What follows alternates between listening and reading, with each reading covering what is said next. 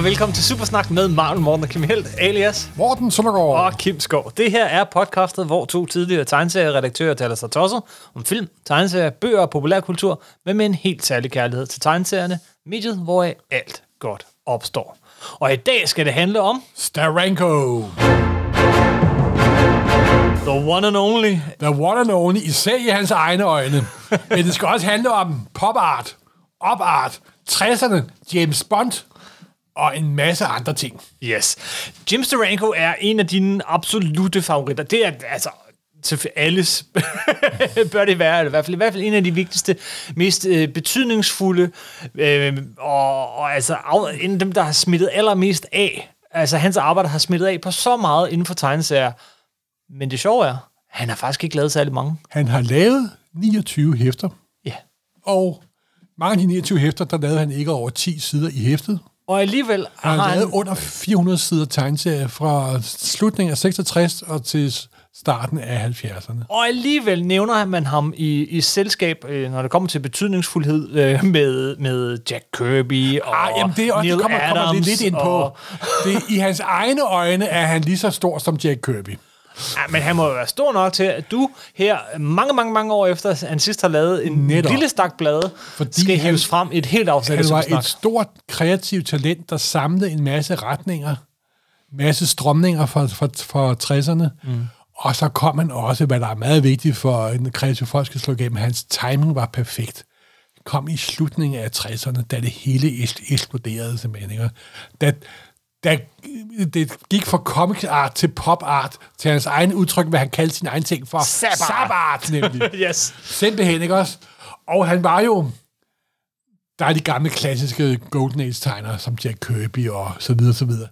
Det var jo det var arbejdere. De sad sgu derhjemme og havde familie og børn og knoklede løsninger. Men Strango så sig, han genopfandt jo også sig selv, ikke? ligesom mange andre folk gjorde det 60'erne, som Stan Lee gjorde i slutningen af 60'erne, som en anden mand, der sidder og hang på tegnestuerne i 50'erne og 60'erne, der hed Andy Warhol, han genopfandt ved Gud også sig selv, ikke? og nok, måske ikke noget, Strango vil sige offentligt, men han nok også være et af Strangos hemmelige idoler. Jeg vil være ligesom ham til ikke? Ja, må ikke.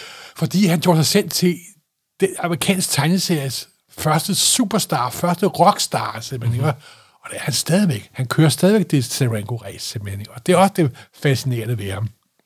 Men lad os gå tilbage til starten. Yes. Og han blev født i øh, Philadelphia i 1938 i det, der hedder små kår. Ja, efterdønningerne af, af den store... Øh, Ja, lige midt i depressionen, kan vi vist roligt Depression, det. ja, eller midt i depressionen. Øh, Og vokser op i under 40'erne og 50'erne. Og under, ja, fattige forhold, kummerlige forhold, små jeg tror, forhold. hans forældre var kulminearbejdere eller sådan noget. Det er dig, der har sat, øh, ja, sat netop, ind ja, i det. netop. Altså, Og, og det er også meget sjovt, fordi han kommer ikke særlig meget ind på sin barndom og sin ungdom, og slet ikke sit nuværende liv. Og jeg ved intet om hans om han har været gift eller forlovet eller noget, noget som helst, og det er sådan set også bedøvende Vi ligegyldigt. snakker om hans kunst og hans Og det er med det, der er så sjovt ved ham. Fordi så bliver han tegner, og begynder at ernære sig ved at lave illustrationer, at lave reklamearbejde. Allerede som teenager. Allerede som teenager, så, så tager han til New York. Og i New York, det er jo 60'ernes New York, 60'ernes reklame.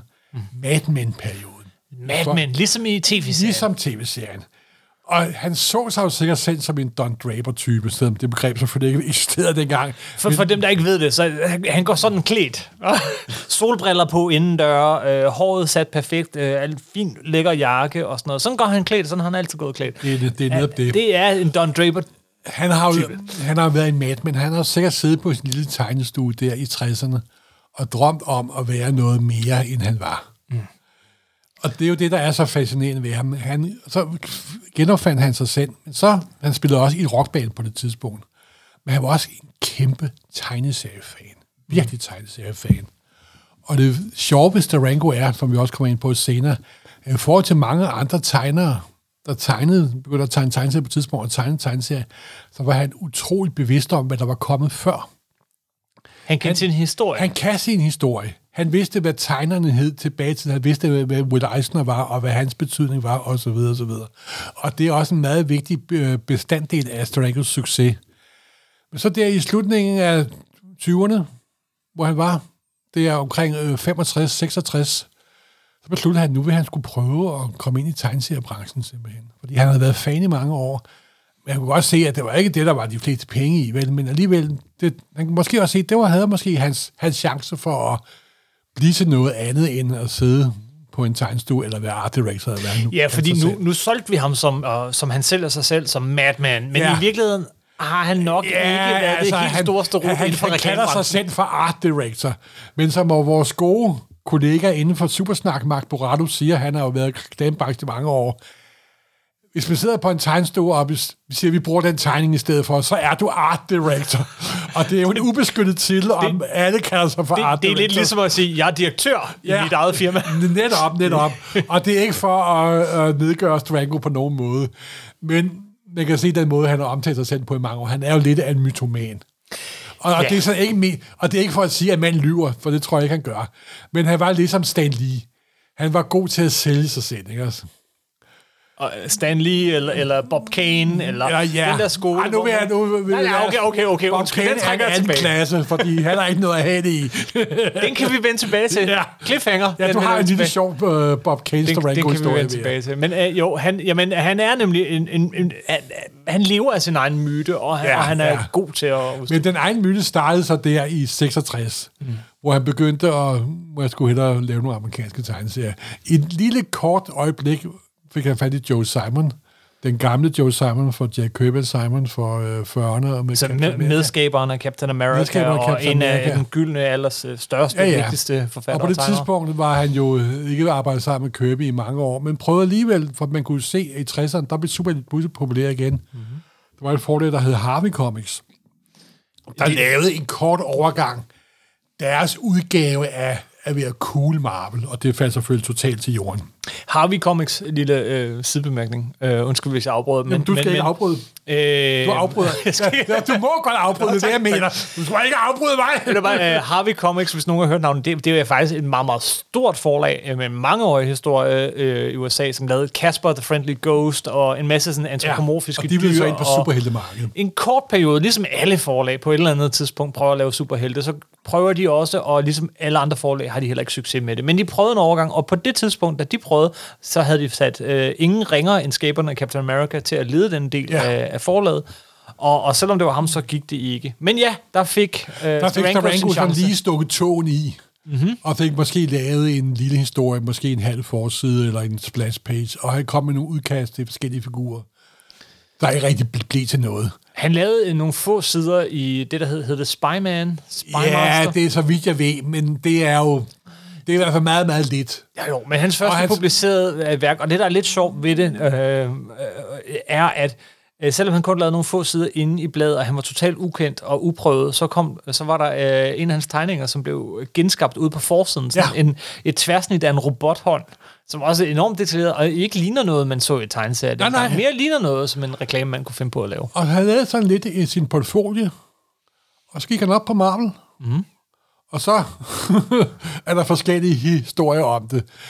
Den øh, nok øh, mest sande historie, det er nok det, som Roy Thomas har fortalt.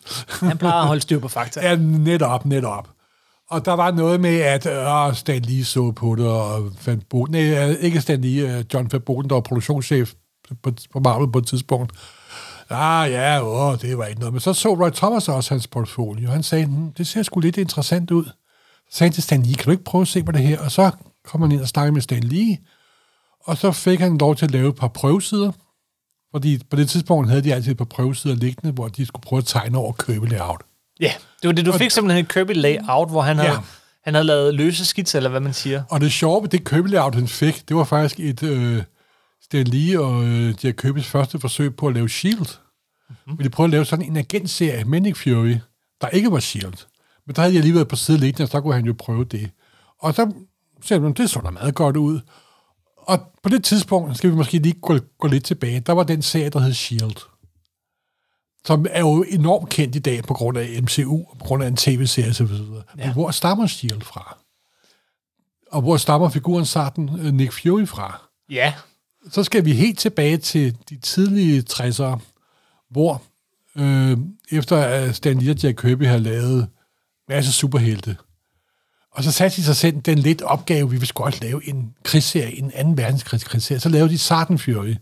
hvor Kirby lavede de første par numre, og Stan Lee skrev de første 20-30 numre, med Sergeant Fury And the Howling Commandos. and the Howling Commandos, helten fra 2. verdenskrig, der så efter nogle år også var begyndt at dukke op i 60'erne. Først i en historie med Fantastic Four, hvor de møder The Hate Monger. Der er en ond klon af Hitler. Selvfølgelig er en klon af Hitler ond, det er jo underbetøjet. Men det var sådan en hate monger, en der spreder had, raceuroligheder osv. osv. Og der kom Dominic Fury op fra 40'erne til 60'erne og så meget ungdommelig ud. Men du må regne med, at dengang i Det var kun 1964, 15-20 år. så var det ikke så lang tid siden 2. verdenskrig var slut. Så det var ikke så underligt, at så var det var ikke så, så underligt. Ja. Og så var der også en anden ting for 60'erne, som vi skal ind i den her lille historie. Nej, nej, du bliver lige nødt til at gøre historien om S.H.I.E.L.D. færdig, jo. Jamen, det var S.H.I.E.L.D., det var, det var det, jeg gå tilbage nu en gang, fordi hvorfor dukker S.H.I.E.L.D.-serien så op? Mm. Den her superagent-serie, hvor kommer hele det? Fordi hvis der var noget, der var populært i 60'erne, så var det hemmelige agenter. Ja, men altså, Især James Bond. især James Bond. Og det var, jeg tror folk i dag har svært ved at forestille sig, hvor stor gennemslagskraft agentgenren havde i 60'erne. Og det var selvfølgelig på grund af James Bond, Ian Flemings berømte britiske agent, der så var blevet udsat for Hollywood-påvirkning i ekstrem grad med Sean Connery. Først i Dr. No-filmen, der var meget cool. Så kom Promotion Love, der var endnu mere cool. Men så kom den intensielle James Bond-film, der faktisk har været kopieret lige siden. Goldfinger i 1964, der for en gang afgjorde for alle, at James Bond og Sean Connery var det ypperste super cool, der kunne være på den jord, simpelthen. ikke? Og de har lavet kopier af Goldfinger lige, lige siden. Ja. Ja. Altså, der synes jeg faktisk, du springer noget lidt væsentligt over. Og hvad, hvad er det? Thunderball. Jamen, den er også en kopi af agentgenren. Uh, Thunderball er uh, James Bond-film er, nummer, Nå, er, er der Thunderball nummer 4? nummer 4. Okay, Du troede, der var nummer 2 eller 3? 3. Men Sig det er mig, nummer kan du 4. ikke til James Bond-film? Ja, det troede jeg, jeg Kim, kunne. det er det er, meget, nummer, meget er det nummer pinligt. 4? Jo, nej, nej, nej. Nej, det er... Hallo, jeg bytter op på 2. Hvad er det, jeg har foran Fordi for mig? mig, så er, så Jamen, er for mig. Goldfinger er den ultimative Det er Sean Connery 1964. James Bond-film. Men Thunderball, er Thunderball- den ultimative agentfilm. Jamen, det er der, hvor han senere. har udstyret. Det er den, den med... er senere. Og det er også Undskyld, Morten, den er halvandet år senere. jeg kan godt min James Bond. Hvad er det, jeg har som medvært? Det er i den med jetpacken, og ja, Jamen, Aston det Martin har vi godt, fået, men Det ved jeg godt, men det er nummer 4, og ikke nummer 3. kæft, jeg har mistet al kredibilitet Nummer lige her. 1, 2, 3, 4. Du ved godt, hvad der kommer efter nummer 4, ikke også? Hmm, you only live twice. Nej, det kan Og du så godt kommer, Øh, så kommer så den anden agent, som vi ikke så godt kunne lide. Ja, øh, og- okay. Nej, okay, lad os lige... øh, Okay, så kommer øh, George Lazenby i, øh, i uh, On Her Majesty's Secret Service. Så det vender vi bare huske. tilbage til... Øh, øh, hvad hedder Sean Connery vender Ja. tilbage for en kort bemærkning, hvor han øh, er i... Øh, Øh, den, den dårligste af dem, den der med, hvad hedder den, Diamonds Are Forever, så kommer, øh, så skifter vi James Bond igen, fordi så kommer vi over du kan til... huske noget alligevel. til Det var utroligt. Live and Let Die, Nå, og han med hed- en ny... Han, hed- han hed Roger Moore, ikke også? Jo, og han var også kendt for en agentserie, eller flere måske endda, øh, hvor han spillede sammen med Tony Curtis blandt andet. Ikke en tv-serie, var han kendt for, før han spillede med sammen med Tony Curtis. Grunden. Ja, og hvad var det for en serie? Åh, oh, uheldige Ja. helte. Uh, The Saint. Nej. The Saint. Ja, nå, du kan huske se, se, det. jeg kan godt. Uha. Se, Morten, og det Ja. her er endda før jeg blev født. Ja, netop. Det er det, jeg prøver at pointere. Og så kan jeg det alligevel. Tilbage til virkeligheden. Nej, nej, det er vigtigt, det her. Det var, at agentgenren var så utroligt super populær. Der var James Bond, der var den ukronede konge. Men altså, ukro, altså, det var kæmpestort. Det var jo, John F. Kennedy blev citeret for, at, at Ja. ja. en, han, Ian Fleming var en af hans yndlingsforfattere, og, og der var James Bond i avisstriberne.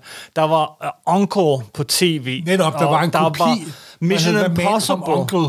Som, der, der, der er Star Trek, som vi husker i dag, lukket, så hoppede Leonard Nimoy over og spillede med i Mission Impossible. Der Ja. var agenter alle vegne. Og Marvel sagde også, vi må også have en agentserie. Og på det tidspunkt, så var der det, der hed Strange Tales, hvor der kørte Doctor Strange sammen med Thing og Human Torch. Og på det tidspunkt var der de serier, der hed Tales to Astonish, Tales of Suspense og Strange Tales. Fordi at Marvel ikke måtte udgive over et vis antal hæfter. Vi er nødt til at lade nogle af deres mange serier køre i dobbelthæfter, hvor der var to figurer, Doctor Strange, og det her tilfælde Nick Fury, Agent of S.H.I.E.L.D., der startede nummer 135. Ja, så. Og det har vi snakket om før, og det var Stan Lee og Jack Kirby. Og Jack Kirby havde den fordel, at han var ikke hæmmet af nogen som helst form for budgetter på film. Så han kunne tegne alle de sindssyge gadget til øh, Nick Fury, Agent of S.H.I.E.L.D., som der var brug, brug for. Yes. Og hvis der er noget, Kirby er god til, så er det at tegne gadget. Gadgets, robotter, maskiner, gevær, heli- skibe, og the helicarrier. Den store, flyvende stålval, simpelthen. Er det Kirby? Ja, selvfølgelig er det Kirby. Men, men det er ikke den Helicarry, jeg tænker på, når, når man ser filmen og sådan noget. Det er Nej. nemlig, fordi det er badekarret, der er Kirby, men Helicarrieren, den vi tænker på i dag, når man ser film. Den altid rigtige noget. helicarrier er Kirby, den store... Det store hval. badekar. Ikke det store badekar. Dicken. Nej, nej, nej, Det nej, nej. store badekar. Det er store badekar. Sig. Men den der gigantiske en, med dem, det er jo Steranko. Nej. Jo, Nej, den flotte. Er, nej, ikke den flotte. Jeg føler, at vi afsporer det her podcast. Du er simpelthen... Din viden om 60'er ting er meget pinlig, Kim. Det vil jeg Nå, sige. nå, nå. Du blander Hvorfor dine- det? Jeg har da ikke blandet noget 70'er og sammen nu. 80'er sammen. Jeg har da ikke blandet noget sammen nu. Jo, du blander MCU helicarrieren ind, og det er en anden form for helicarrier. Ja, ja, men det er jo Steranko-inspireret. Nej, den er ikke. Okay, jeg læner mig tilbage til at stille nu, og jeg er stadig lidt sur over det der James Bond, der gik galt der. Og, Sur over, jeg vil være pinligt berørt. nej, jeg er også lidt... Ja, Jeg kan se det også godt. ja, ja. ja. Tak. Det, Nej, men øh, spøj til siden. Der startede den der serie med, øh, med nummer 135 med øh, Nick Fury, Agent of S.H.I.E.L.D. yes. Eller Skjold, som det hedder på dansk. Og det sjove var ved den, at allerede for nummer 136 og 37 38, så lavede Kirby kun layout på den. Break, breakdowns. Det gjorde man måske også med nummer 135, hvis man ser lidt nærmere efter. Men så begyndte Stan Lee at bruge Strange Tales som sådan en slags tryout for nye tegnere. Mm-hmm. For eksempel allerede kom der en kendt Golden Age-tegner tilbage til Marvel, for, der hed John Severin, som ja. finisher, som inker, øh, Marine Severins bror.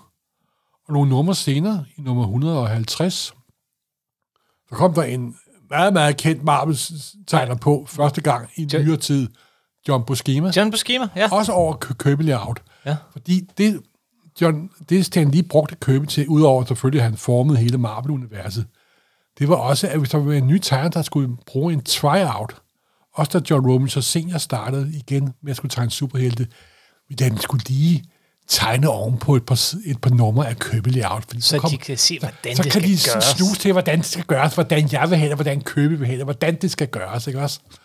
Ja. Og igen, hvor skema var på i nummer 150, så i nummer 151, der var der sgu en ny tegner på, der hed Jim Steranko. Yes. Og allerede kunne man se, at det var ikke bare sådan en, der fulgte Kirby slavisk. Der var puttet på. Der var puttet på, men du kan jo godt se Kirby i det, vil jeg Ja, sige. selvfølgelig kan man se Kirby i det. Øh, men, men, det er jo ikke, altså, det er jo ikke en rentegner som sådan, sådan en, øh, når, når der Nej, er for det er, layouts. jo- af- så er det en finisher. ja, som så det det er lidt mere en rentegner. Ja, det er lidt mere en rentegner. Men hvis man kigger på nogle af de andre, der tegnede efter Kirby Layout, kunne man godt se, at han puttede også mere på. Puttede meget mere på. ja. Og i nummer 151, 52 og 53, der er lavet efter Kirby Layout. Mm-hmm. Der bliver Strango mere og mere tydelig simpelthen. Og det er faktisk så tydeligt, så når han, han faktisk overtager tegnearbejdet i nummer 154, ja. og ikke alene overtager han tegnearbejdet, han overtager også han med til at plotte i historien. Og lige med det samme sker der altså noget der. Og der sker Øh. faktisk Det var godt i forhånd. På godt i forvejen. Og det er der, sådan Steranko-myten bliver, bliver skabt, og med god grund. Men altså, der er noget... Øh, nu sidder jeg med den foran mig. Øh, den første, som han skriver og illustrerer, ikke? Er det ikke her, vi er? Øh, øh, Eller er et prøv nummer lige- for langt frem lige nu? prøve at se, hvor du er henne. Tribunal. Øhm, Fordi øh, han begyndte jo ikke at skrive med det samme, nemlig. men der er, der er noget, øh, der er noget Kirby over ham, men der er sandelig også noget, noget Wallace Wood over hans store ting og sådan noget, men så er der, Der er også noget noget kø- kø- købe over ham. og, og så er der, ja, bestemt, og hans maskiner og forkærlighed for det og sådan noget, men, og, men, men så begynder han også at, at ikke bare lave, altså Kirby laver eksplosive paneler, ikke? Og, og bevægelse og alle de her ting, men, men, men Steranko, han begynder at komponere hele sider. Det er så tydeligt, du har en side, hver side er en, et lille øh, kunstværk i sig selv. Altså en side, selvfølgelig en splash page, men, men også, øh, også bare en side af komponeret øh, som, som sin egen lille enhed øh, hele vejen igennem. Ja, men også at han bruger en masse sådan filmmæssige tricks med at have et panel, hvor han deler panelet op i masse små paneler. Det er det. Og hvor hver panel er en hver sin tidszone. Også nogle ting, som Joe Kubert brugte på det tidspunkt. Men så begyndte han det første nummer, hvor han lavede historien selv. Der var, skrev Roy Thomas den første historie. Men redde næste år begyndte han også at skrive historien. Ja. Og det var noget, der næsten aldrig var sket før. At både tegneren og forfatteren Og så prøv- skrev. Ja, og prøv. Og, og på den måde er han jo også en- en forgangsmænd til, hvad der kom senere med Frank Miller og John Byrne og alle de andre tegnere, der også blev for forfattere. Mm-hmm. Og der kom der jo også, han bragte også andre ting ind i tegneserien. Han bragte sin forståelse af tegneseriehistorie ind. Og hvis man kan sige en Will Eisner, så er der enormt meget Will Eisner. Men der er også enormt meget filmisk påvirkning. Ja, det må man sige. Sindssyge vinkler. Og så er der også en tredje påvirkning, som vi skal komme ind på, og det er ordet pop art. Men skal vi lige blive ved nogle af de ting, du nævner? Ja, man kan blive ved det hele, for allerede her i det første nummer, han selv både skriver og tegner og sådan noget, så, så, så ser du nemlig pop art, og du ser sådan nogle mønstre i baggrunden. Du de, ser de, de her... mønstre, du ser der, det er det, der hedder op art, optisk art, mm. som også var en del af pop art, og hele den eksplosion, der skete i 50'erne og 60'erne i amerikansk kunst. Fordi, nu skal vi lige gå, gå lidt tilbage i historien, fordi pop art var ikke noget, der bare tilfældigt dukkede op, fordi i 1965, i en periode på fire måneder, Ja, hvis alle, der læser Marvel Comics, og det går ud fra, at de fleste af vores lyttere gør, og især vi skal huske de gamle forsider fra 60'erne og 70'erne, så er den der lille informationsboks. ja altså nu er jeg jo hvor ikke så står- god til 60'erne. Hvor, hvor der står Marvel Comics Presents. Så så, Kim, det er overstået kapitel. Du er tilgivet. Måske har jeg ikke tilgivet dig selv, men jeg har tilgivet dig. Okay. Nej, undskyld. Det var virkelig low. Nej, men der var den her informationsboks, hvor der stod uh, Fantastic Four, så var der en tegning af figurerne. Ja. Og der stod altid Marvel Production. Mm. Men i fire måneder, i 1965, havde de ved i boksen havde stået Marvel Pop Art Production. Yes. Og hvorfor stod der det, og hvad er pop art? Pop art er en kunstbevægelse, en kunstskole, en ting, der var dukket op i 50'erne og i 60'erne. Især kendt for to meget kendte kunstnere, som nok mange af vores lytter har hørt før. Roy Lichtenstein og, Og Andy Warhol. Og det, de gjorde, det var, at i gamle dage, nu, det er en meget, meget super stærkt forenklet kunsthistoriker, og jeg håber, at Mathias Vivel stikker fingrene i, i, i ørerne, så de ikke skal, skal høre det her. Men kunstner går ud og maler naturen, bliver inspireret af naturen, maler sit maleri, en øh, flot landskab, bla bla bla. Men Laurent Lichtenstein og øh, Andy Warhol og mange andre, hvorfor ikke blive påvirket af det, vi er omgivet af hele tiden? Mm-hmm. Af massemedierne, af reklamerne, af film, af kulturen, af forsider. Og så begyndte Røgen Lichtenstein jo at lave sine maleriudgaver af tegneserier. Kæmpe store paneler 60'erne. og... Især et meget berømt billede, der hedder Wham! Ja. hvor senere ting har sagt, at det er, nogen vil sige kopieret, andre vil sige ins- inspireret, og det er en diskussion, vi tager et andet tidspunkt. Men han taget for en uh, DC uh, krigsserie, hvor tegneserien var tegnet af Ira Novak, senere kendt uh, Batman-tegner, hvor Lichtenstein havde så lavet- blæst op i kæmpe format, omkomponeret, Ændret et par farver. ændre på farver, også tegnet alle de små prikker, der er i den form for fagtryk, der var på det tidspunkt. Mm. Og havde slået bravende igennem. Og pop bevægelsen der selvfølgelig havde været før, der var andre også før ham, men det er de to mest kendte.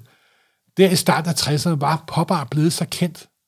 Og Marvel var jo sådan også begyndt at blive populært. Så Marvel faktisk, grund til, at de faktisk også brugte pop art production i fire måneder, var sådan lidt på at være med på noderne, også for at være en del af det, der var hot, det, der var super in, in, interessant. Og Lichtenstein kopierede for øvrigt også øh, Jack Kirby. Der er, Der er øh, et panel for, for X-Men nummer 1. yes, af Magneto. Ja, den tempelheden nærbillede af Magneto. Så han kopierede ikke alene for dårlige DC-krigserier, han kopierede også for mesteren selv. yes, yes. Eller noget så inspirere af. Mm. Og Roy Lichtenstein er, jeg var, øh, for nogle år siden var jeg i London, da der var på Tate Modern Gallery.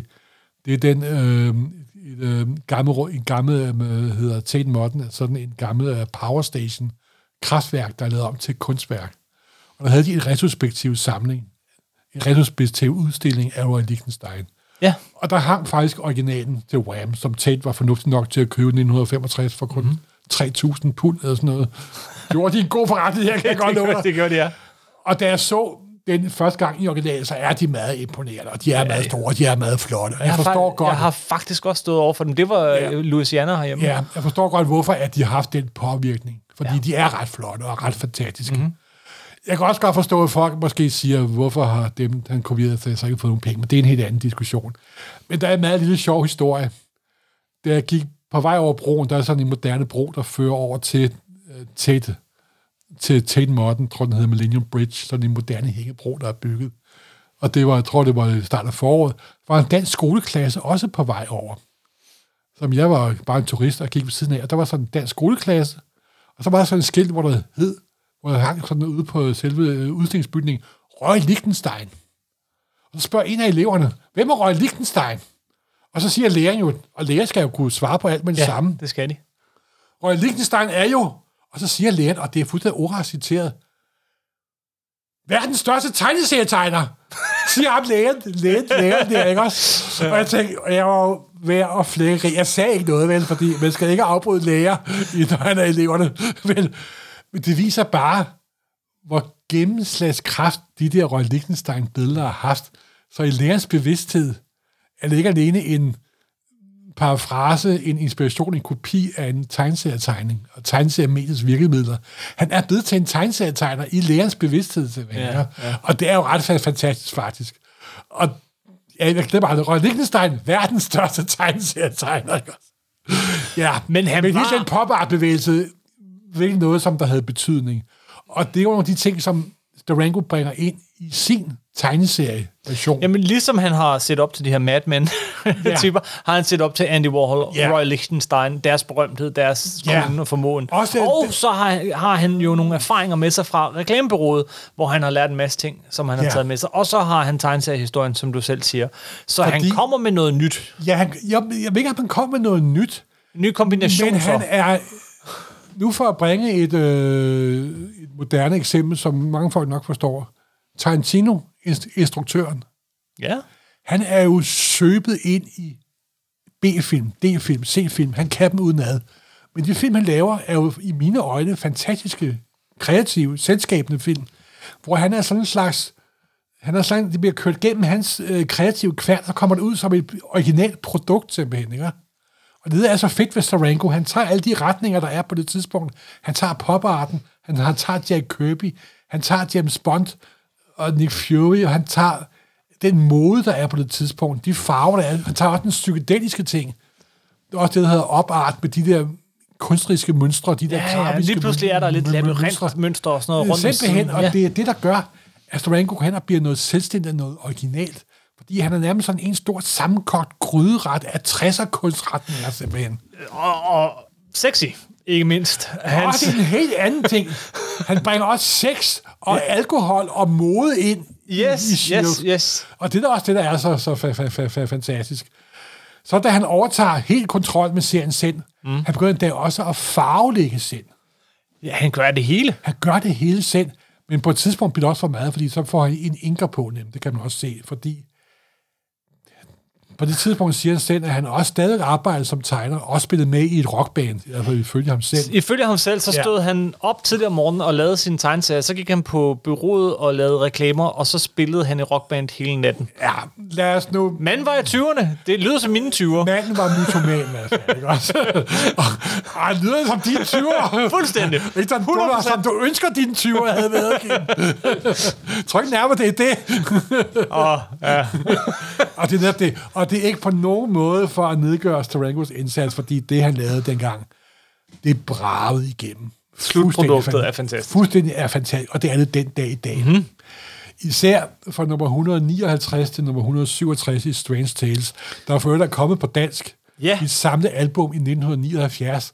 Nick Fury kontra Gule Den Klo. gule klo. Ja, den har jeg, kan du Den tro. har jeg. Og, noget, Og og det- det, er faktisk det- noget af det aller, aller, allerbedste Steranko, Ja. du overhovedet kan få fingrene i. Og hvis og det er man- jo større Og størrelse. hvis man kan den. få fat på det Carsten-album, limningen er desværre ikke særlig god, og faglægningen, Ja, siderne falder ud. og faglægningen er meget kras. Ja. Men det er ret fa- fa- fa- fantastisk. Og der blev han for alvor Steranko. Med et stort S, simpelthen. Ikke? Men den har jo det hele. Det, det er lidt har det. De numre, ikke? Der har, du, der har du alt det, vi snakker om her. Du Men har, han har også Will Eisner-påvirkning i ekstrem grad. Ja, Mange af forsider, mange af splashpagene er typisk som Steranko, øh, som Eisner lavede sin Spirits forsider tilbage i, i 50'erne. Der kommer jo også hele den surrealistiske påvirkning, der kommer Dali ind, og så videre, så videre. Det er det gør der. de der gule klo sagaen fra nummer 159 til nummer 167, de er fuldstændig fantastiske. Mm-hmm. Mm-hmm. Blandt andet introducerede han en, ikke en dobbelt splash page, Nej. men en sekvens, der gik over fire sider. I, ja, double splash page er det vel, fordi, fordi det, det er fire sider var han splash. begyndte at få ja. så meget kontrol over mediet, så meget styr på sin kreative kraft. Han begyndte at spørge John Verboten, der var produktionschef, hvor sidder reklamerne i det blad, vi vil udgive? og så begyndte han at lave op på de sider, og det begyndte Stan Lee at sige, jamen, hvad med de penge, vi tjener på reklamer? Og, men så var jo Steranko smart. Jamen Stan, jeg laver jo en splashpage, der går over fire sider, så folk bliver nødt til at købe to hæfter for at se hele siden. Ah, sagde Stan Lee. Hvilket, hvilket Stan Lee så faktisk øh, også lige husker at nævne. Så. Ja, netop. I sin også sædvanligt selvironiske stil. Ja, han skriver her øh, på, på det der fire siders panel, som er jo er helt Fra nummer fantastisk, 100 ikke? og Springfield Ja. 167. Så, så, så er der lige... øh, Altså, du har de her fire nærmest ordløse sider, hvor du bare skal sidde, og dine øjne skal bare gå på opdagelse de her helt, helt vilde tegninger, ikke? Som har alt det, vi lige har snakket om. Og så kommer der alligevel en ret lang sådan lille note fra, fra øh, Stan Lee. Personal note to all faithful Shield followers from Jim Steranko. Nej, det er Jim Steranko selv, der har skrevet det. Ah, det, det, det er mig, der sidder og sluder her. Det er faktisk Steranko selv, der prøver, der laver øh, Stan Lee parodi her. Han skriver, It was absolutely impossible to represent this mind-bending super spectacle in anything less than a powerful panoramic four-page spread. Ja, han har virkelig Det fat i lyder Lee. Ja, du kan godt se, hvorfor, ikke? To get the full effect, of course, required a second issue placed side by side, but we think you'll find it better, uh, uh, well worth the price to have the wildest action scene ever in the history of comics. Hvor til Stan så skriver, Darn, now I have to spend another 12 cents, Stingy Stan. Ja, og især øh, dem, der købte bladene. Det med med et ord kan sige, at Stan uh, Steranko gjorde med Marvel Comics. Ja. Han gjorde Marvel Comics cool. Super cool. Altså, du kan, Super du cool. kan se, det her er jo lige så, lige så sexy cool som, som, som, øh, som James Bond øh, og Og det var meget sjovt, den figur, Beatles som der var, og- havde været Sergeant Fury, Ja. og Nick Fury, der sådan var the working class hero. Han var arbejdsmanden, der blev leder af det her kæmpe agentimperium. Han fik pludselig en bachelorpad i vildeste Åh, 60'er den der lejlighed, han har, ja. ja simpelthen. Men det er simpelthen den meget berømte øh, designer, der er på alle James Bond-filmene. Var ekspert i at lave miljøer, lange, flade borde, kæmpe panoramavinduer. Yes, yes. Og der flytter Nick Fury ind, ikke også? Og han pludselig, hvad der i gamle, da de andre Marvel-tegnere tegnede det, så havde de sådan normalt tøj på. Pludselig var Nick Fury, han havde moderigtigt tøj på. Han begyndte også, at, og han ryger i de hæfter. Han ryger som en skorsten, der er smøger i hånden hele tiden, og der er alkohol, og der er kvinder. Fordi kontessen dukker op Oh, uh, i stramsiddende tøj. Faktisk var tøjet så stramsiddende, så i mange af panelerne er hun censureret. Nå, Simpelthen. hvordan det? Simpelthen, hvis du i tager nummer 168, der er en helside af kontessen mm. i en meget stram siddende dragt. Og på originalen kan man tydeligt se røven. Det kan man ikke på den, der er trykt i hæftet, fordi det ligger i skygge. Ja, lige pludselig i skygge. Ja, ja. Og så Og, og så er der hans biler, og, øh, som lige pludselig kan flyve. Han fik, Jim, Nick Fury fik, nej, det kunne den før, det var Jack Kirby. Var det Jack Kirby? Redde nummer 135. Okay, fair nok. Kim, Kim, men han fik en ting, som James Bond først fik 30 år senere, som Jarango gav ham i nummer 161-62. En usynlig bil. Okay. Simpelthen. Skulle du lige bringe det op? Ja, simpelthen. Ja. Ikke at den bedste James Bond-film nogensinde lavet, Nej. men der var en usynlig bil i James Bond-filmen. det havde Nick Fury og Durango givet øh, klaret 30 år før. Okay, yes. Fuck, og der viser vi igen, hvordan tegn, hvad Durango bruger tegneseriemediet. Mm-hmm. I den sekvens, hvor Shield Q... De har selvfølgelig også en Q. Det hedder Ja, det deres opfinder. Deres opfinder viser, hvordan bilen ikke alene kan være usynlig, men også kan vise alle mulige farver. Så er der et panel, hvor man ser bilen med masse splitpaneler, hvor hver panel har sin forskellige farve, mens dialogen kører henover. Ja. Han brugte tegneseriemediet på en spralsk, fantastisk, banebrydende, paradigmeskiftende måde. Og det var som en eksplosion af kreativitet og farve ned i Marvel-universet. Der jo i forvejen havde Kirby og andre kreative genier for fuld udblæsning. Men Starango, han skabte, han skabte Starango, han skabte myten om sig selv. Så i, 19, så i nummer 168, Strange Tales 168, det var lige omkring 68, så skete der det, at Marvel pludselig fik lov til at udgive flere hæfter. Mm-hmm. Og så fik de også ud til at lave spe- hæfter kun med S.H.I.E.L.D. Agent, Nick Fury, Agent of S.H.I.E.L.D. Så nu gik vi fra 10 sider til, til et Til, par til, 20. til, til 20 sider. Hvor Starango lavede nummer 1, 2 og 3 og nummer 5, og tegnede forsiden på de syv første. Og det første nummer af Nick Fury, Agent of S.H.I.E.L.D., hvor han kravler op af en logo, der er selve titlen. Yes. Who is Scorpion?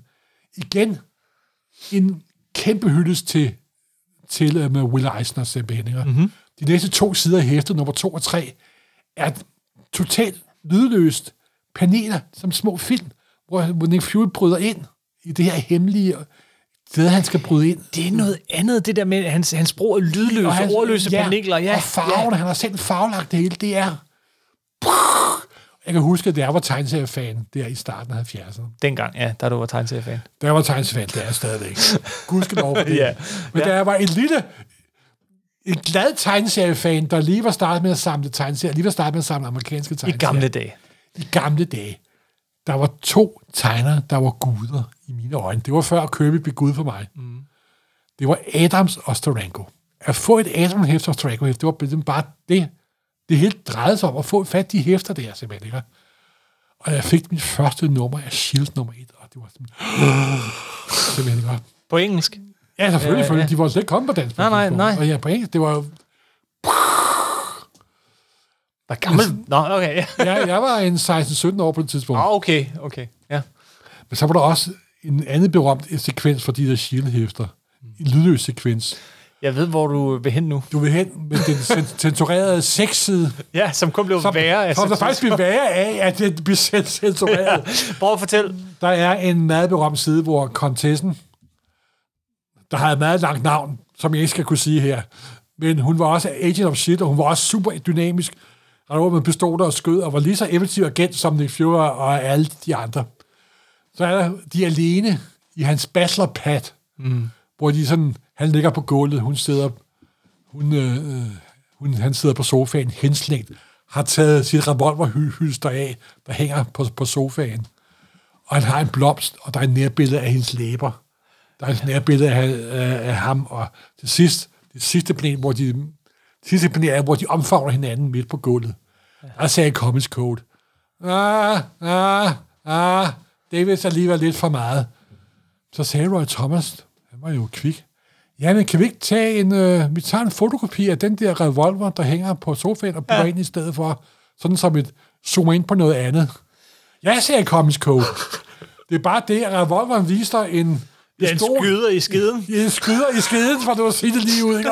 Jeg vil sige en pistol i, øh, i en hylster, og jeg er det, det, det, jamen, det, nej, det er da. Det, det, det, det er jo ordet kommer Det morgen. gjorde siden bare 10 gange mere bundsjoven, simpelthen. det ikke? kunne meget være. Og det viser bare, hvor tåbelig Code er, og det var guddommeligt. Du har faktisk set, hvis du finder det hæfte frem, hvis du har det, at det er en offerstørret, for det er ikke Tarango, det er sådan en for lidt forstørret, fordi Ja. ja. De har taget den, der hang. Ja, og stregen er meget mere tykke. Det ser ret underligt ud, nemlig. Og det var bare fuldstændig vidunderligt. Ja, det er, det er værre en fyrværkeri på... Det er værre, når, det er ligesom, når toget kører ind i tunnelen. Yes, og, og fyrværkeriet starter i, i... øh, berømte slutning på Hitchcock-filmen North by Northwest. Yes, yes. Menneskejagt, som hedder på dansk, hvor det ender med Cary Grant og øh, St. Claude, var ikke det, hun hed, skuespillerinde. De kommer i samme øh, køje i toget, og det kører ind i en, toget kører ind i en tunnel. Simpelthen. Der er ingen tvivl om, hvad der foregår her, vel? Nej. Og det var enormt sjovt, simpelthen, ikke også? Øh, der kom der jo også, øh, Stranko begyndte også at bruge fotokollage. Det havde han brugt i nogle uger før. Ja. En fotokollage, hvor han putter sig selv ind i fotokollagen som Nick Fury med øjenklap og det hele, simpelthen. Det er fuldstændig vanvittigt. Det er så fedt. Og så kom der nummer 4, og det var ikke St- Staranko, fordi Staranko havde også problemer med, at nå deadlines. Jamen, det kan man godt forstå med alle, Og alle de detaljer, han ligger i. jamen, Ikke? der var jo lagt så Og omtanke. meget arbejde i det. Og han, han gør det hele, skriver, tegner, rentegner, Skriver, farvelægger. det, det hele. Nej, ikke rentegner. Der er rentegner Nej, ja, på. på det her tidspunkt er Ja. rentegner på, ja. Og så der kommer nummer 5. Who is Scorpion? Og, men hvad var der i nummer 4? Der var en, øh, en øh, Origin of S.H.I.E.L.D. tegnet af Frank Springer. Ah, Der var en hurtigt tegnet udgave af nummer Strange Tales nummer 135. okay. Og så kommer nummer 5. Og nummer 5, og den hedder... Øh, ikke hud, det det er også, hvor Scorpion dukker op igen. Der er sådan en hemmelig superskurk, Mm-hmm. der har sådan en mystisk nøgle, der udsender energi. Og det er øh, Nick Fury, det er øh, Starangos svane sang, hvad angår Nick Fury. Det er fuldstændig vildt, men kommer også billeder for Nick Furys barn, bar, bar, barndom. Og han bruger også den teknik med, at han tager billeder, fotokopier, fotografier fra gadebilleder og tegner ovenpå simpelthen. Og igen, alle mulige virkemidler, opart, optiske ting, og han bruger også sådan det meget berømte øh, Andy Warhol med maleri med Mary Monroe i alle mulige forskellige farver. Mm. Der er et billede af Scorpion, der er skurken i det her, der senere viser sig at være Nick Furys onde bror. det var dog ikke historie, Ej, ja. som... Det, kan, det fremgår også meget tydeligt. Anyway. historien. Det fremgår også meget tydeligt historien, hvis, hvis man læser den. Mm. For der ser man Scorpion i alle mulige forskellige farver, præcis ligesom Andy Warhols berømte Mary Monroe med maleri Ja, ja. igen pop art indover, og det er fuldstændig fa- fantastisk simpelthen, ikke? Og det er mind-blowing simpelthen, og der var Sterango-myten fastnavlet med al ønskelig ty- tydelighed simpelthen, ikke? Men, Han havde en... Ja, men... men så var der ikke mere Shield. Han tegnede forsiden til nummer 6 og 7. Forsiden på nummer 6 var en uh, Salvador Dali. Og det er også en af hans, hans pop, Det er faktisk en rigtig fed forside. Meget, meget flot forside, Ja. ja. og Salvador Dali får fuld udblæsning. Ja. Nummer syv var en stor kudo til en anden kendt superhelte agentserie, Thunder Agent, den meget berømte Dynamo-forside, som Hollywood har lavet, hvor Starango laver sin udgave af Nick Fury i det ydre rum i Hollywood-stil. Jamen, det, det er virkelig... Jeg, jeg, kigger først... Det ligner Bollywood. Det, og det er fuldstændig et lille nik med hatten til Bollywood. Altså. Der lavede jo Thunder Agent. Der jo også er øh, en Tower Comics forsøg på at lave en agent, at blande agentserie og, og superhelteserien sammen, og dem har vi lavet i afsnit af, som du kan se i vores Ja, podcast. gå tilbage og hør det. Ja. Men så var det forbi. Eller det var ikke helt forbi. For der var der kun fem hester tilbage, som... Ah, syv hester tilbage, som Strango lavede for Marvel. Ja. Han lavede lige to meget hurtigt tegnede og ikke særlig fokuserede numre af X-Men. X-Men, ja. Nummer 50 og 51. Det kan jeg huske, da vi lavede Det vores... bevirkede dog, Der, ja, at, Strange, at en anden god tegner blev så interesseret i at lave X-Men, så Neil Adams begyndte at lave den for nummer 156. For, for, ikke for nummer, for nummer 656. det er sjovt. Det- Jeg havde glemt alt om, indtil vi lavede det her afsnit om... Vi lavede sådan tre afsnit Ja. ja. for et par, to-tre år siden om, om X-Men. Det starter med en gennemgang af filmen, og så tager vi dem ellers før Claremont, Claremont, efter Claremont. Men jeg havde glemt alt om, øh, at, at Steranko faktisk havde lavet to numre af X-Men. Og han tegnede faktisk forsiden på et tredje nummer, nummer 49. Ja, men hvad, hvad er der at sige om de hæfter? Er de lavet at før det er eller efter meget- Shields? De er, Er de lavet de er lavet meget hurtigt. Ja, det er ligesom om, Så der er slet tror- ikke samme energi Nej, i nej, den men det er, det, er, det, er, det er breakdowns, det er layout, det er... Ja. Ja. Men alligevel, så er der jo typiske Strango-ting, der er Will Eisner-lignende splash, splash page, der er, der er sex, og, og det er der, hvor øh, øh, Strangos datter, den hende med det grønne hår, dukker op, og viser sig at være robot senere, men det er en helt anden øh, historie. Sterankos datter. Nej, slå Magnetos datter. Tak. Ikke Strangos datter. Beklager. Polaris? Et, et, et fantastisk. Ja, netop. Loria. Ja. ja. Det bliver så videre. Det er en helt anden plothistorie, så videre, så videre. Det er med hende med det grønne hår. Polaris. ja, Polaris. Og der er så også det, hvor hun bruger de magnetiske kræfter, hvor hun bruger det der mønster, Ja, det der optiske ja, ja, ja, effekter og ja. så videre, så videre. Men det var ikke særlig interessant, og der kom også kun to numre. De var også kun på en 12-13 sider. Mhm. Mm-hmm. På det tidspunkt var der bag alle numre X-Men også en backup feature med tegner nogle, nogle helt andre tegner. Så var der kun fem hæfter tilbage. Ja. Tre numre af Captain America Som også er værd at kigge i. en fuldstændig fantastisk tour de force. Et nummer af den, hvor øh, det var nu vi i starten af 70'erne, hvor Marvel, Stan Lee, alle sammen kunne godt mærke, at supergenre var ved at miste energi, interesse blandt. For de prøvede at lave sådan en, øh, alla Easy Comics, alla øh, en, en antologiserie med horror. Der kom faktisk en skrækserie, der hed Tower of Shadows, hvor det første historie var skrevet Stan Lee og tegnet af Jim Steranko, hvor han især meget bruger den tegner, der hedder Bernie Quickstein. Der var en meget berømt, igen, Steranko er sin tegnehistorie bevidst, den meget berømte Easy-tegner, der lavede Master Race, hvor han brugte utrolig moderne stroboskop-effekt, paneler opdelt i tid. Men helt tilbage i videre. 50'erne. Helt, helt tilbage i 50'erne, Bernie Quickstein, Stan Lee, øh, Strango tegner sin historie til Tower Shadow på en 6-7 sider, som øh, skrevet Stan Lee, men øh, lavet af, og der skete der nemlig det meget interessante, at Stan Lee og øh, Strango kom op og skændes. Ja. Vi er rasende på hinanden, simpelthen. Fordi, hvorfor gjorde de det? Fordi, at hvis der er noget, hvis der er en, som Strango ligner på Marvel, så er det Stan Lee Ja, de to er for ens. selvopfindende alfa males, der ser sig selv som cool, nyskabende, og begge to går med topé, og begge to er, har taget 70'erne til sig med åbenstående skjorter og smykker og alt muligt andet. Og begge to også gerne vil være Andy Warhol og Roy Lichtenstein og Mad Men og gå i smart tøj og så videre, så videre, så videre. Og det er jo klart, de må jo clashe på et tidspunkt, og de kom til at clashe over øh, Tower Shadow nummer 1. Faktisk tegnede Steranko en forside til Tower Shadow nummer 1, der kun skulle være i sort og rødt. Og den er enormt flot forside. Og der kom ikke, der kom en forside af John Busquet, af John Romita i stedet for. Og det samarbejde var så, så de kom faktisk op og skændes, og Strango forlod Marvel.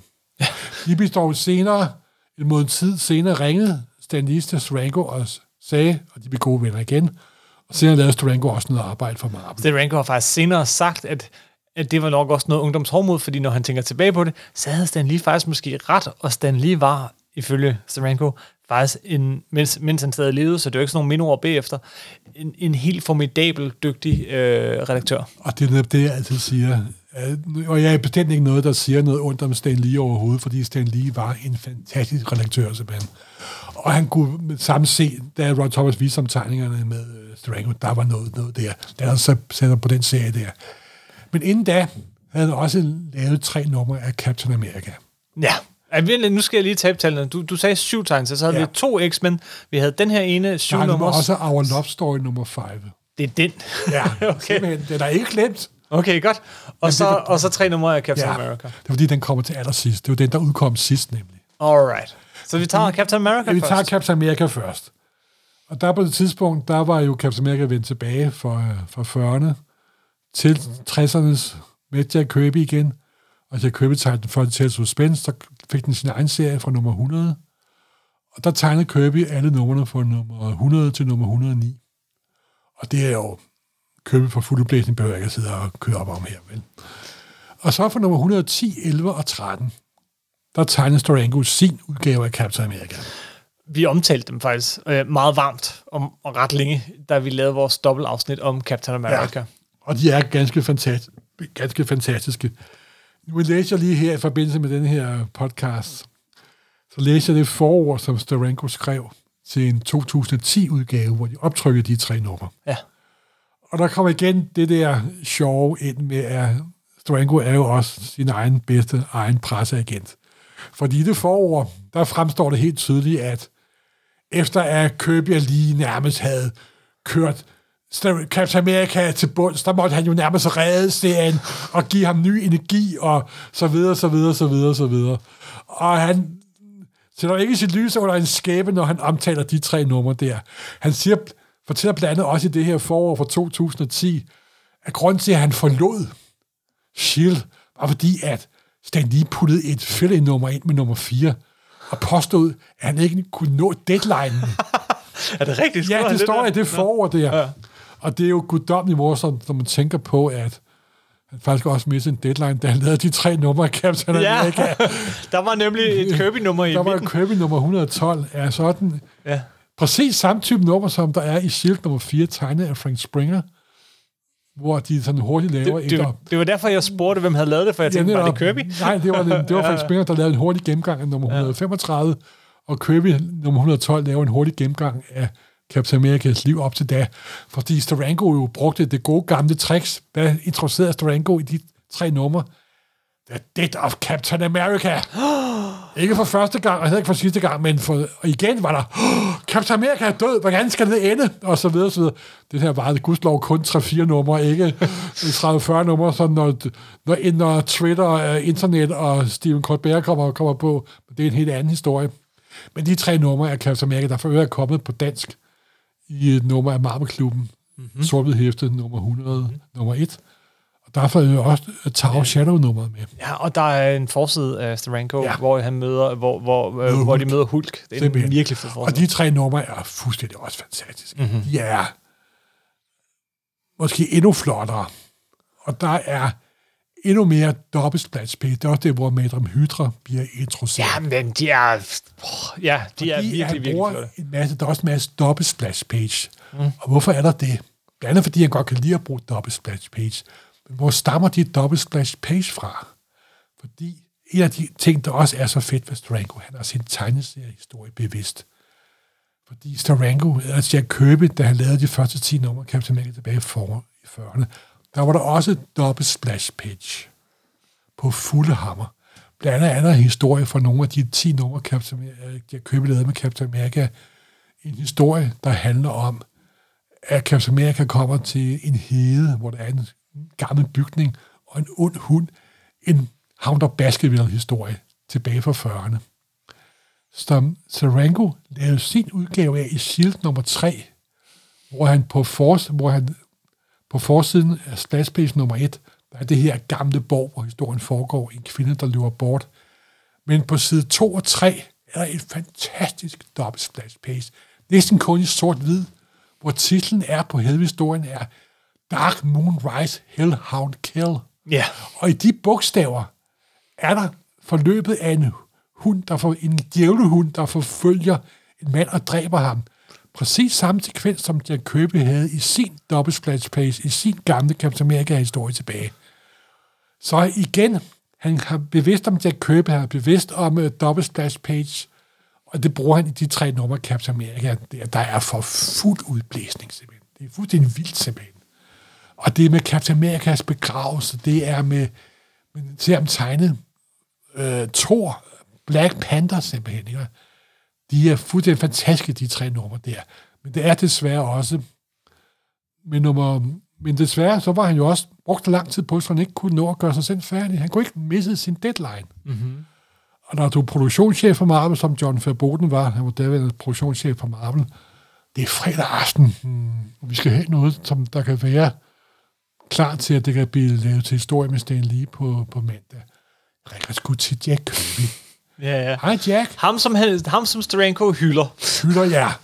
Og på en weekend tegner Steranko 20 sider Captain America. Øh, Kirby. Det er ikke det mest... Starter Kirby. Øh, starter Jack Kirby. Ja. 20 sider, hvor han gennemgår hele Captain Amerikas liv op til at med, at Metron er død. Mm. Og 20 sider, det er ikke en super detaljeret Jack Kirby. Det er faktisk meget sjovt, den stil, som man senere flæk nogle år senere. Lidt mere grov, men super effektiv. 20 sider, bang, af på en weekend. Så de lå klar til at blive tekstet og beskrevet og håndtekstet og inket til mandag. Det var en gammel mester. Det var Jack Kirby. Han kan sit, sit arbejde. Og så nummer 113, så vender Captain America selvfølgelig tilbage. Om, fuldt med Hydra og Madame Hydra og hele Avengers og Vic Jones bliver Bucky for en kort overgang. Oh, ja. Og det er fuldstændig fantastisk. Og det er det sidste, der udgiver, det er det sidste, Steranko laver for Marvel. Ja. For det er en lille, enkel, lille 6-7-siders historie i Our Love Story nummer 5, Mm-hmm. hvor han også lige laver en lille romance i, i historien på 6-7 sider.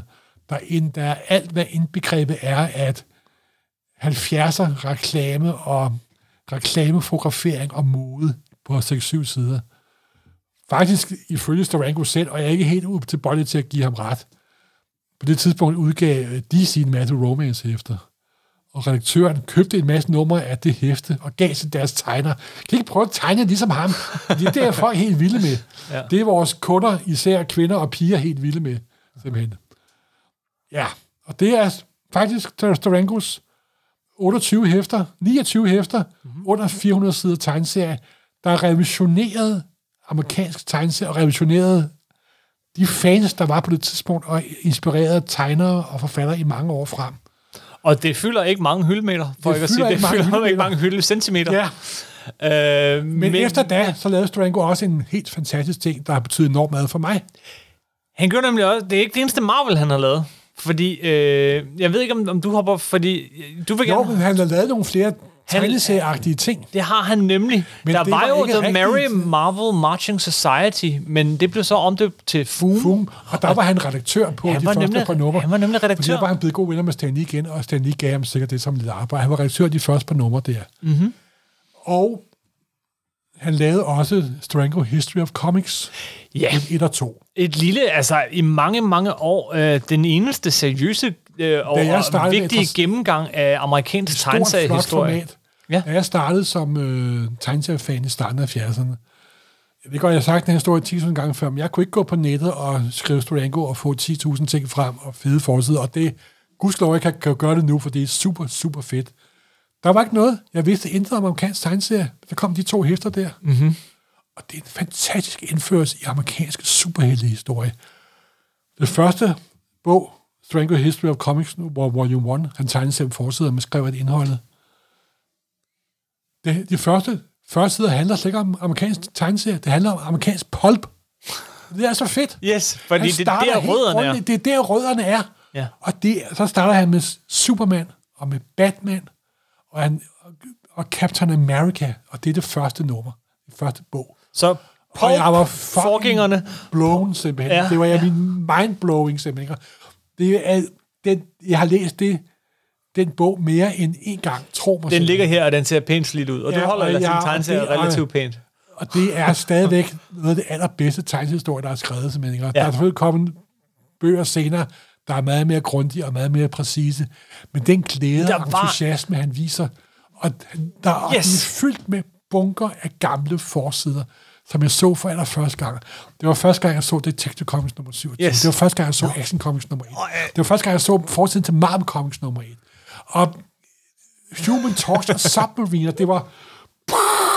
Oh, men altså, nu har jeg ikke lige haft det forhold til den her bog, men jeg kan godt genkende det der med, at man havde en bog, bog, hvor man så to, alle de der ting. Der kom ja. DC-tingene, der kom Airboy, Plastic Man, og ved du, hvad der også er i slutningen af bog nummer to? Der er en fuldt optryk af en Will Eisner-historie for den fede periode fra 50'erne. Første gang jeg så Will Eisner i stort format i 1972. Jeg er ikke kommet over meget siden simpelthen. Det var, og det er derfor, at Stavanko betyder så meget, både for mig og for så mange andre. Yes, yes. Det var en ved, altså, de der to historiebøger, som, som du selv siger, de er ikke altid helt præcise, og de er ikke altid helt Nej. så detaljerige, men de er skrevet med en entusiasme og en, en kærlighed til ja. mediet, som bare skinner igennem. Ja. Men de var de er jo på en, på en helt anden måde super betydningsbærende for tegneseriekulturen for mig har de betydet mindst lige så meget, som Starangos tegneserie betød mm, for mange mm. tegnere. Min interesse i amerikansk historie, tegneseriehistorie, og hvad, hvad tegnerne bagved, og det stammer fra de, de to bøger der. Nu for at være meget personlig, og det beklager jeg lidt, men det var de første to ting, jeg fik på klods i Fantask. simpelthen, simpelthen. Du simpelthen måtte betale dem af. Jeg måtte betale dem af, simpelthen. Og det er også det, der gør Drago så stor i mine øjne så startede han sit eget forlag, der hed Supergraphic. Ja. Og der begyndte han at lave sit eget blad, der hed Comic Scene. Et nyhedsblad. Nyhedsblad? Med tegneserie, som en lidt avis, man kunne folde, folde, folde, folde sammen. Først de første par numre, der hed Comic Scene, var fyldt med tegneserie-nyheder og øh, tegninger osv. Og, så videre, så videre. og i det blad, nogle numre inde, det begyndte så at komme i midt i 70'erne gik det over til at øh, komme til at hedde Mediacine senere. Mm-hmm. Men det blad har også en meget, meget, meget stor betydning for noget, der skete i 1977. For hvad var det blad? Det var første gang, et magasin nogen siden omtalt en lille eksperimenterende film af en instruktør, der hedder George Lucas, der hed Star Wars. Simpelthen, det var i comic scene. Ja. Det var første gang, jeg så ordet Star Wars. Det var første gang, jeg så Ralph McQuires øh, produ- produ- produktionstegning. Og de var også med. De var ja. også med. Det var første gang, jeg så Ralph McQuires produktionstegning af Malt Eisley's Cantina. Mm-hmm. Og jeg så en science fiction film, der er noget med space opera, noget, der hedder Luke Skywalker. Hvad fanden er det? Jeg har aldrig hørt om før, jeg har aldrig set det. Så første gang i blad Strango var redaktør af. Simpelthen, ikke? Så igen, wow, simpelthen, ikke? Senere skiftede det blad navn til Medicin. Senere var det også det første blad, der bragte billeder og produktionstegninger for Empire Strikes Back. Mm-hmm. Det var også det første blad, der bragte produktionstegninger, tegnet af Storango selv, Ja. for en anden lille film, som Jamen, det var nemlig Spielberg det, jeg tænkte, lavede i samarbejde med George Lucas, der havde noget med en, en aukolog, Noget med, Jones, ja, noget, noget med en pisk og sådan ja, noget. Noget med en, det er et eller andet Igen. bibelsk med en ark eller sådan noget. Igen, fordi på det tidspunkt havde Storango forladt amerikansk tegneserie. Ja. Fordi der var ikke rigtig plads til ham ifølge Starangos mening. Han kunne ikke rigtig følge med i at lave et hæfte hver måned, og han så selv som nok i Større. hans øjne noget... Jamen, det- jamen, nu vil jeg ikke nedgøre manden, for det vil jeg virkelig ikke, fordi det, han har gjort, har, var helt fantastisk. Men han så sig selv som en instruktør. For eksempel det der forår, som der er lavet til den der Captain America-udgivelse fra 210, der gengår han første hæfte, nummer 110, som han er filminstruktør, hvor han omtaler hver eneste side simpelthen. Og så gjorde jeg det, og så gjorde jeg det, fordi jeg er filminstruktør. Han omtaler ikke af første hæfte af en direkte kopi af nærmest en Will Eisners Splash Page. Men det er en helt, helt anden historie. Han vil nok gerne ind i Hollywood. Det er så helt tydeligt simpelthen. Ikke? Og det kom han, fordi det var ham, der lavede produktionstegningerne. Han lavede de Altså, første produktionstegninger til Indiana Jones, ja. og det sjove er, at den figur, Indiana Jones, det ligner ikke Harrison Ford. Det ligner Tom Selleck. Ja. Det var ham, der skulle spille rollen på det tidspunkt, men så kunne han ikke få lov til at få lavet, øh, hvad hedder G.I. Mike, hvad hedder nu den der? Øh, øh, Private G.I. Hvad fanden hedder den der? Magnum P.I. Magnum P.I. Privat Detektiv, ja. detektiv på, på, på, på Hawaii. Der var, jeg, der var jeg ikke lige klar på det der Og, spørgsmål. og gudskelov, at det bliver Harrison Ford i stedet for Tom, Tom Selleck. Og Steranko, han fortsatte også med, han lavede også øh, produktionstegninger til, til, til en anden film, ikke også? Jo, Jeg har bare lige glemt titlen på det nu. Det tror jeg, du kom med nu, Lum Morten. og hvad er nu? Øh, ja, det er en også anden... Hvad øh, en anden kendt film. Kom nu. Åh, Gud, øh, Gud, du, det har jeg vidst, det har jeg skrevet ned, det har jeg glemt. Jamen, on, jeg sidder her og lægger op til dig. Det er dig, der har forberedt jamen, det her det- afsnit. Det er ja. ikke mig. Han har sikkert også lavet produktionstegninger til andre ting. Det har han, men faktisk kun et par film. Ja, han lavede også nogle forslag til nogle serier, som Marvel skulle udgive. Blandt andet noget med en, øh, sådan en hypnotisør, der gik- på spøgelsesjagt, og han påstår også, at han lavede et oplæg til en Batman, der aldrig blev til noget, osv. osv., osv. Det er alt sammen noget, der sådan er i den mere myto- my- mytologiske ud, ud, udgave. Ja. Men der i 70'erne og 80'erne prøvede han også på at lave der var en, en, der var en, øh, en amerikansk forlægger, der hed Byron, Byron Price, der prøvede sådan at bringe tegneseriesproget, tegneseriesensibiliteten ind i mainstream, ved at lave det, der i dag nok vil blive omtalt som en graphic novel. På Storango tegnede det, der hed Chandler, Ja. en private eye, Altså, baseret på den der... øh, kl- Ja, Raymond Chandler. baseret på Raymond Chandlers meget berømte figur. Er vi ved at blive trætte nu, Morten? Det er sikkert sikkert, men vi, vi, vi, kører, Ja, vi, vi, kører vi, vi kører videre. I øvrigt så er det kommet til mig i mellemtiden, hvad det er for en film, jeg havde i hovedet, men Nå. det er Bram Stokers Dracula. Nå, mange ja, år senere. Nå, ja, mange år senere, Det kan- ja, ja, det har du da ja. ret, der ret i. Ja. Nå, men øh, han lavede så øh, de her Chandler-bøger. Øh, Øh, Raymond Chandler skrev figuren. Ja. Jeg kan ikke engang huske, hvad hans figur hedder. Er vi virkelig blevet så, så, så trætte? jeg tror, jeg, jeg har også lige været på arbejde, og du har sikkert siddet og... Gud, det var virkelig pinligt. Hvad er nu, han hedder? Øh, Raymond Chandlers? Jamen, vi skal ikke slå det op, fordi det er næsten slyd. Nå, øh, ja, det, er også, det er også lidt meget. Men de lavede sådan en Private Eye-serie, der ikke er en tegneserie, men bruger tegneseriesprog, hvor teksten er på den ene del af siden, og tegninger er på den øverste del af siden. Philip Marlowe. Philip Marlowe selvfølgelig. Undskyld, jeg kan, Ej, nu kan jeg høre, hvad du sagde. Hvor pinligt. Philip Marlowe, ja. Og jeg har endda lige læst af. Ja. Nå, nogle gange, det, det er faktisk meget sjovt, at man sidder her og laver podcast. En gang Mm. Jeg bruger der pludselig en ting, men jeg husker hele sit liv, der pludselig forsvinder. Ja, ja, ja. Man koncentrerer om andet. Det er også fordi, du og siger, jeg sidder her og kigger på lyden, og så, hvad hedder den og den og den. Ja, ja, ja, ja, men Whatever, det her, Og det så lavede han også, øh, Så lavede han den. Så lavede han nemlig den der tegneserie, og, og den var lidt underlig, den der. det var ikke særlig vel, vellykket. Men hvorfor? Fordi han jo han vil jo videre, han vil jo også være en øh, han vil være øh, forfatter. Han vil være en kendt forfatter, han vil komme i bogform. Han lavede også en masse bogforsider på det tidspunkt. Mm. Så lavede han også senere en tegneserieudgave af en science fiction film, hvor James Bond, Sean Connery, spillede med i. Den hed Outland. Outland, ja. Og den var, den kom, og den var heller ikke videre. Og det var også et forsøg på at lave en tegneserie, der ikke er en tegneserie. Ja, men det var nemlig lidt det, der var problemet med den der Philip Marlowe tegneserie også, at det var ligesom, den prøvede at være noget andet, og der var ikke talebobler. Og, og, og, Jamen, dengang og det, i øh, det var 70'erne ligesom, om og den, 80'erne, han prøvede at genopfinde mediet. De prøvede at bruge tegneserievirkemidler og tegneseriesprog i noget, der ikke var tegneserie. Ja. Fordi så ville folk jo ikke læse det. Og det var det, der var så sjovt i den der periode i 70'erne og 80'erne. Og de fleste af de der, var det, jeg vil kalde mislykkede for, forsøg. Men det var et forsøg på at prøve noget nyt. Og meget af det var styret af ham, der hed Brian, Brian Price, mm-hmm. faktisk. Han lavede også øh, øh, bøger med for eksempel en kendt øh, fantasy og science fiction der hed Roger Zelazny, mm-hmm. der både var en blanding af tekst og billede, og lidt tegneserie og så videre, og så videre. Og det lykkedes aldrig helt. Men det var et forsøg, og det var af de utallige ting, som der kunne være protographic novels, hvis man skal bruge det ord. Men Saranko Sen, ja, han gik jo sådan, øh, ikke i glemmebogen, men han blev sådan, øh, begyndte at dukke op på alle mulige øh, convention, og, og var Starenko, og har åbenbart levet af det. Fordi vi skal være helt ærlige, så aner I rigtigt, hvad manden har levet af i 80'erne og 90'erne, udover at være. Og 2000'erne. Og, Og nu. 2000'erne. Men han har været flittig gæst på øh, tegneseriemesser.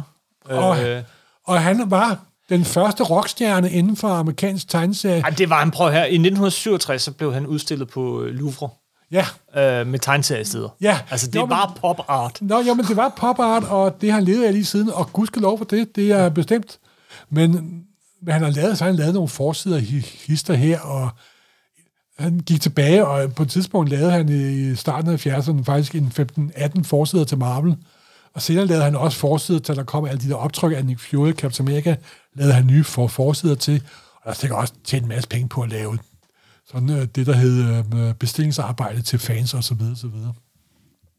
Og øh, vores en ven af podcasten, Helga Andreasen, som vi jo ved er meget øh, god til at besøge amerikanske convention, Ja. han har også mødt Storenko masser af gange og siger, at han snakker meget kendt om sig selv, men han siger også samtidig, at han er en vældig behagelig fyr. Og, Han men- virker super øh, Han- sjov og han, hyggelig vir- at han er enormt god at fortælle historier. Og der har du jo en historie om hans møde med Bob Kane. Det lagde, du, det lagde vi op til i starten, ja. Ja, ja lad os have den. Øh, Bob Kane, skaberen af Batman, som Nej. jo... Øh, nå, nej. Øh, påstået skaber af Batman. Meget omdiskuteret skikkelse. Øh, Han Øh, kan være medskaber af Batman, men Bill Finger lavede det meste arbejde. Det gjorde han nemlig. Men, men han, han levede meget højt på, at han var skaberen af Batman. Der er historier, hvor at han har siddet over for Stan Lee og nedgjort Stan Lee, fordi han havde jo Batman og Batman-filmen, og han døde så inden... Øh, jeg skulle bare have.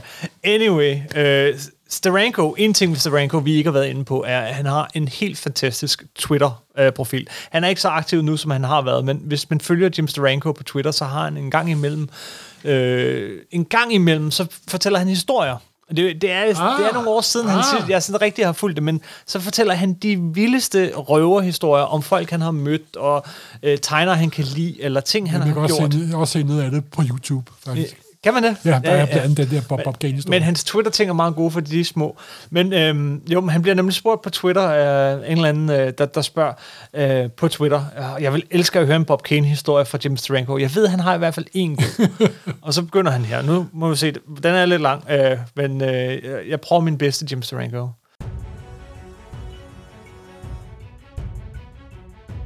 I hadn't encountered Bob Kane in my travels, but at one rocking San Diego Comic Con, an associate asked me if I wanted to meet him. He walked me into a hallway. There he was, in a small group of people wearing patent leather shoes. and an ascot, like he was a vitamin fucking Flintheart in a Dick Tracy cartoon. Der vil lige sige til, at alle tegnere hader Bob Kane. fuldstændig. Alle tegnere. Og det skal også se, at det her det står med ascot med store? Ja. For years, I'd heard how he had taken credit for Bill Finger's contributions, in addition to half of his pay, and other despicable tales from his associates. But nothing aces an in-person encounter. We were introduced, and Kane began talking about my Batman chapter in the history of comics, den vi omtalte lige før, which treated him and everyone else very respectfully. He felt I credited Robinson and Finger, both of whom I knew intimately, too much. Kane, aka Khan, was beyond pretentious. An intolerable ass, as pompous as they come. I bit my tongue while he regaled us with his many achievements. The group was waiting for an elevator, which they stepped into when the door opened. Our conversation ended, but not before he said, See you later, Jim baby. and cuffed me across the face like some rat pack street ge- gesture he'd seen in some cheap flick. the doors closed. I was stunned by the sheer audacity of a stranger like him to lay a hand on me and boiling with anger. that night, I couldn't sleep, and the next morning began combing the halls for his bad majesty. Around noon, I found him in another group which I walked into. Good to see you, Bob, baby, I said, then bitch slapped him across the face. but this time, there was no elevator door closing between us. I stood there for about 15 seconds, waiting. He did nothing. I turned, I left. But I regret it now. I regret that he didn't do anything about it. Even though he was at least a head taller than me. I wouldn't have minded bleeding at all for one more opportunity to give Kane the kind of bad lesson that Finger, Robinson, Sprang, and others only dreamed of. Ja, og man kan jo kun elske Steranko efter sådan en historie. Men det her er også bare typisk Steranko på Twitter. En Simpelthen. tilfældig aften. Ja, og det er det fede ved Steranko. Han er også en mytoman, men han er en sympatisk mytoman. Det synes du? Og det er den store forskel med ham og Bob Kane. Yes. For også, at han har talent og, og, og, og er kreativ. Nå, nok, nu er han allerede blevet bitch slapped. Ja, simpelthen. og det er jo altså, den dag i dag har Steranko betydning simpelthen. Ja. Og i- her i forbindelse med podcasten, genlæser jeg alle de der Strange-historier, som jeg faktisk ikke har læst i mange år. Mhm. Mm-hmm. Og gik op for mig, at det er jo, fan- det er jo fucking fantastisk. Det er simpelthen. helt vildt. Det er ikke så Og jeg længe. vil og jeg opfordre vores lyttere, hvis de ikke, og jeg tror faktisk, der er mange af vores lyttere, der ikke har læst Tarango. Fordi han er alligevel gået sådan lidt i glemmebogen, kan man sige. Ikke? Det er ikke meget, der er kommet på dansk. Men, og det, men der findes på amerikansk uh, Complete Coll- Collection af alle hans Shield-ting, og så videre, så videre. Og som sagt, det er meget lidt at samle. Der er kun under 400 sider tegneserier, så har du en komplet Storanko-samling. yes. Simpelthen.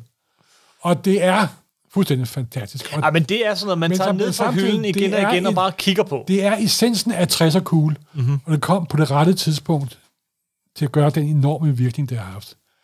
En af de tegnere, der nok er mest påvirket af ham, der nok er mere kendt end ham, måske det er Paul Gulasch for eksempel. En enorm kendt tegner, som der også er enormt påvirket af Storanko.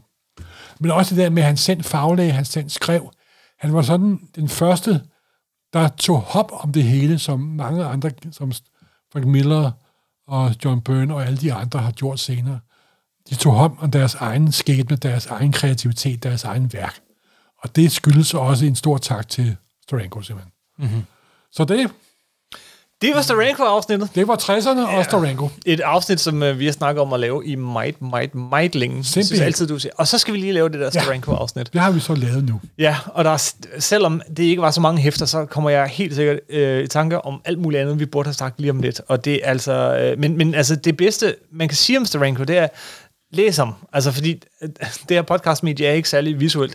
Har man den her øh, lille bitte samling af S.H.I.E.L.D. eller hans Captain America, øh, så garanterer jeg dig for, at det er noget, du tager ned fra hylden igen og igen, og bare sidder og labrer i det. Og der er også kommet sådan en artist edition fra IDW, som jo også er rigtig lækre. Ja, Dog det, det er dog kun... Øh, hans Strange Tales op til nummer 162. Og nummer Ja. to skulle være kommet meget lang tid, men Strango kan, ikke- kan ikke få taget sig sammen til at lave den færdig. Okay. Uh, men stadig, og det mangler måske også farverne og sådan noget, men det er... Det er Nå, men der kan man meget se, og den måde, han har effekten, han har brugt, hvordan han har klistret ting ind og lavet ovenpå og så videre, mm-hmm. den måde, han har arbejdet med det på. Det er Ja. også det, der er så inter- det er interessant med de der Artist Edition. Ja. Du kommer sådan ind på, sådan, du kommer tæt på, du kommer ind i selve arbejdsrummet simpelthen.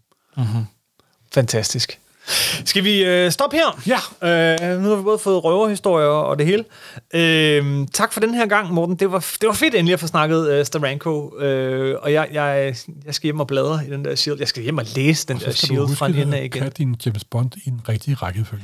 Ej, kommer en lille søllefejl. Uh, ja, du kommer til at høre for det længe. Jeg kommer til, men jeg, jeg, jeg kan lige komme med en lille, en lille ekstra ting, jeg opdagede under min... Øh, Vi kan gå tilbage, vi Min- kan min starte grundforskning med tv-filmen. er du klar over, Hvad? at James Bond-film var meget populær i 60'erne, som vi har konstateret? Ja. Er du klar over, at en anden Connery har også lavet en James Bond-film i Ja, 60'erne? Morten, fordi jeg ved en hel masse om fucking Det er, oh, det, James Bond, det er, hans søn. Nej, det var hans bror. Hans, hans søn har også... Ja, men det var i hal- 90'erne, hvor han lavede Ja. i en Fleming. Ja. Men er du klar over, at Sean Connerys bror, Neil Connery, Ah, ja, var I det ikke 60'erne i, i lavede- Bahamas eller nej, nej, Sydamerika nej, eller sådan det var? OK Connery, Ja. der handlede om James Bonds lillebror, der må tage over efter, at James Bond er død. Og så- og den film Ja. kan du faktisk se på YouTube. På amerikansk hedder den også øh, Operation Kid Brother. Mhm. Mm-hmm. Den ligger faktisk i fuld længde på YouTube. Jeg så kun de første 8 minutter. Men der er både den originale Moneypenny med, Ja, ja, skurken, ja, og, og, og øh, skurken fra Thunderball. ja, ja, og øh, hvad hedder med M? Er han ikke Og også så med? Bernard, ja, øh, øh, Q og M er også med. Og hvad endnu mere fantastisk er, jeg så kun de første 8 ja. minutter. det er ikke en Jeg fantastisk har aldrig film. set så mange Starless i motrostøj før i hele mit liv. Det var en meget underlig 8 minutter, men det Ja, var en, en underlig lille sidebemærkning. Den har jeg faktisk set. Det er mange, mange, mange år siden. Det er en meget mærkelig film. Ja, men der var agenter alle vegne. Agenter alle vejen. Man siger, Når selv Sean Connerys lillebror kunne få en rolle i en agentparodi, ja. det viser, hvor populær agentgenren ja. var i 60'erne simpelthen. man, man siger, det var de tre B'er. Bond, Batman og Beatles. Simpelthen. Så. Godt. Tak for den gang. Øh, skriv til os ind på facebook.com supersnak podcast. Øh, følg os ind på Instagram, hvor vi vil lægge en masse øh, Sterango-billeder ud herover de næste dage og uger. Det kan jeg virkelig være med. Og, øh, og øh, ellers bare tak for at lytte med. Husk at dele det. Øh, Husk at give os gerne en, en anmeldelse inde på øh, iTunes, eller hvor du hører podcasts, så øh, andre også kan opdage det. Spred ordet, og øh, ellers vil jeg bare sige tak for den gang. Det var fedt at høre dig tale begejstret om noget, du elsker, Morten. Altid. Simpelthen. Simpelthen. Tak for den gang. Hej.